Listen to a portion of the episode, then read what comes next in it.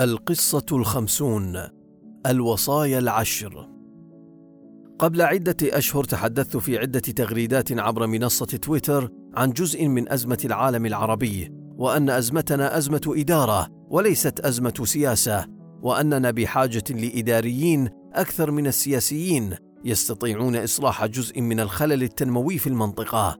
وصلتني هذه الرسالة عبر موقع تويتر صاحب السمو لو اخترت أن تكتب عشر وصايا في الإدارة الحكومية لمسؤول في عالمنا العربي ما هي هذه الوصايا العشر؟ أحببت السؤال وأعتقد أنني أستطيع أن أقول شيئا في هذا المجال أولا وقبل كل شيء أقول إن حياتنا هي رحلة تعلم رحلة لا تنتهي وكلما تعلمنا أكثر عرفنا مقدار ما نجهل وهو أكبر مما نتصور لذلك التوقف عن التعلم هو توقف عن التقدم في الحياة. يمكن أن اختصر الوصايا العشر لأي مسؤول في مجال الإدارة الحكومية حسب خبرة متواضعة كالتالي. الوصية الأولى اخدم الناس. الغاية من الإدارة الحكومية هي خدمة الناس. الغاية من الوظيفة الحكومية هي خدمة المجتمع.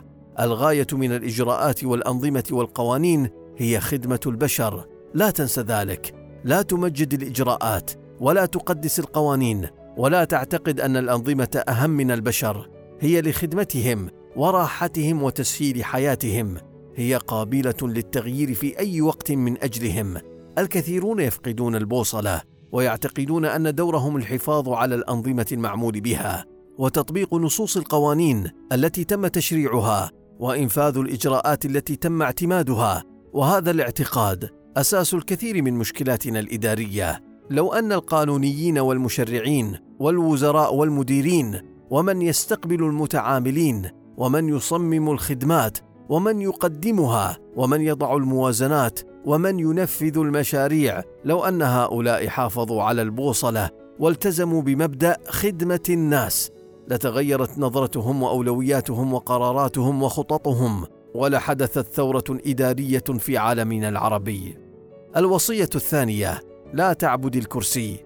الوظيفة والمنصب والمسؤولية كلها مؤقتة. ستذهب عنها سريعا أو ستذهب عنك.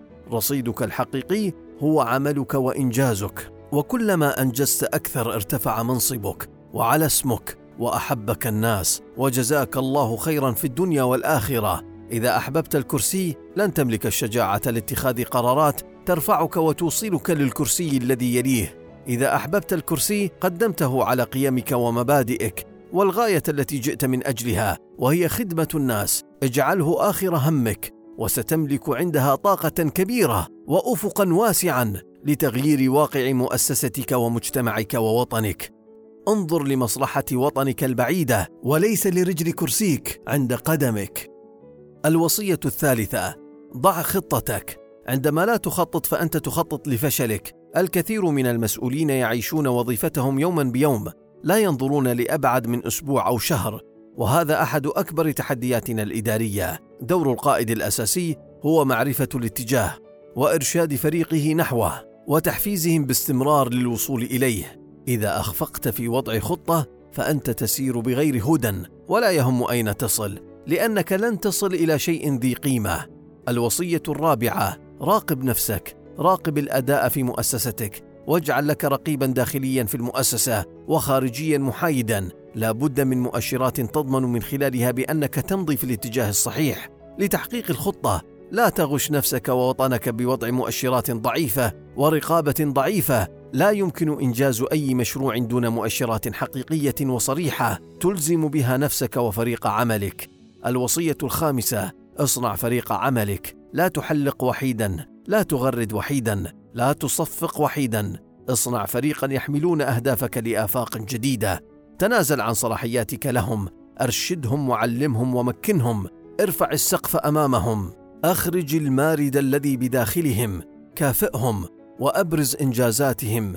استرخي واستمتع بالنتيجة لأن الفريق العظيم سيحملك إلى أماكن عظيمة والفريق الضعيف ستحمله فوق ظهرك حتى يكسره. الوصية السادسة ابتكر أو انسحب. الحكومات التي لا تبتكر تشيخ وتهرم وتخرج من السباق ومن السياق. الأفكار تجدد الدماء وتسبق بها المنافسين وتقلل بها التكاليف وتعيد من خلالها اكتشاف نفسك. الاقتصاد الجديد قائم على الأفكار والعالم الجديد يبحث عن مواهب تحمل افكارا جديدة.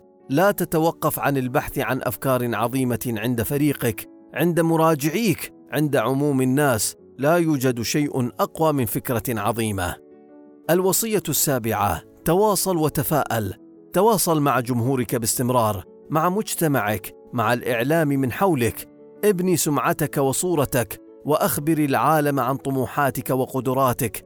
بعض الحكومات تعتقد بأن التواصل الإعلامي وظيفة تكميلية واحيانا مزعجة.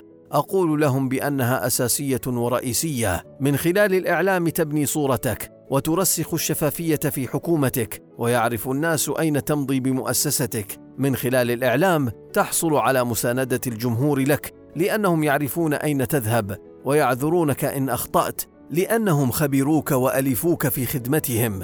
أعلن عن أهدافك في الإعلام لأنهم سيحاسبونك وهذا في صالحك لأنك ستبذل الغالي والنفيس في تحقيق ما أعلنت عنه والتزمت به أمام الناس. تواصل دائما ولا تختبئ.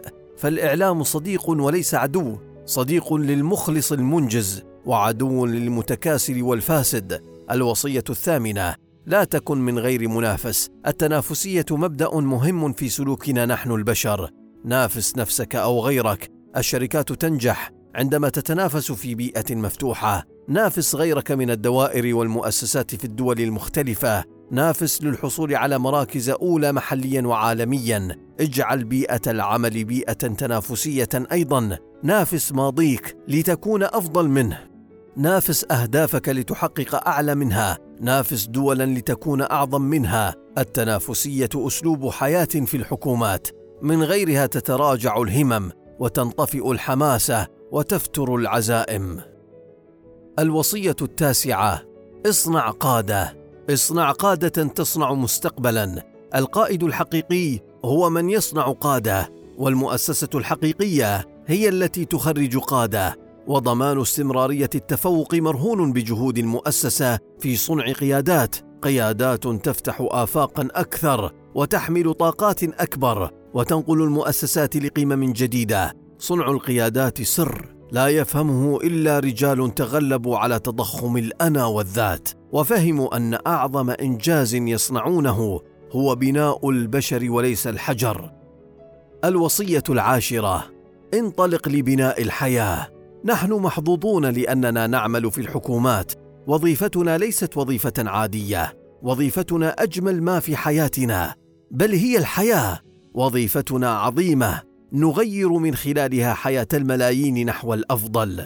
لا تستهن بدورك أو عملك أو جهدك فأنت تعمل في مجال صنع الحياة وتصميم المستقبل وبناء الأوطان.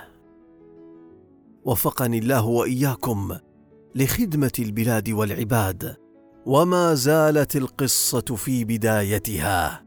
أخوكم محمد بن راشد آل مكتوم.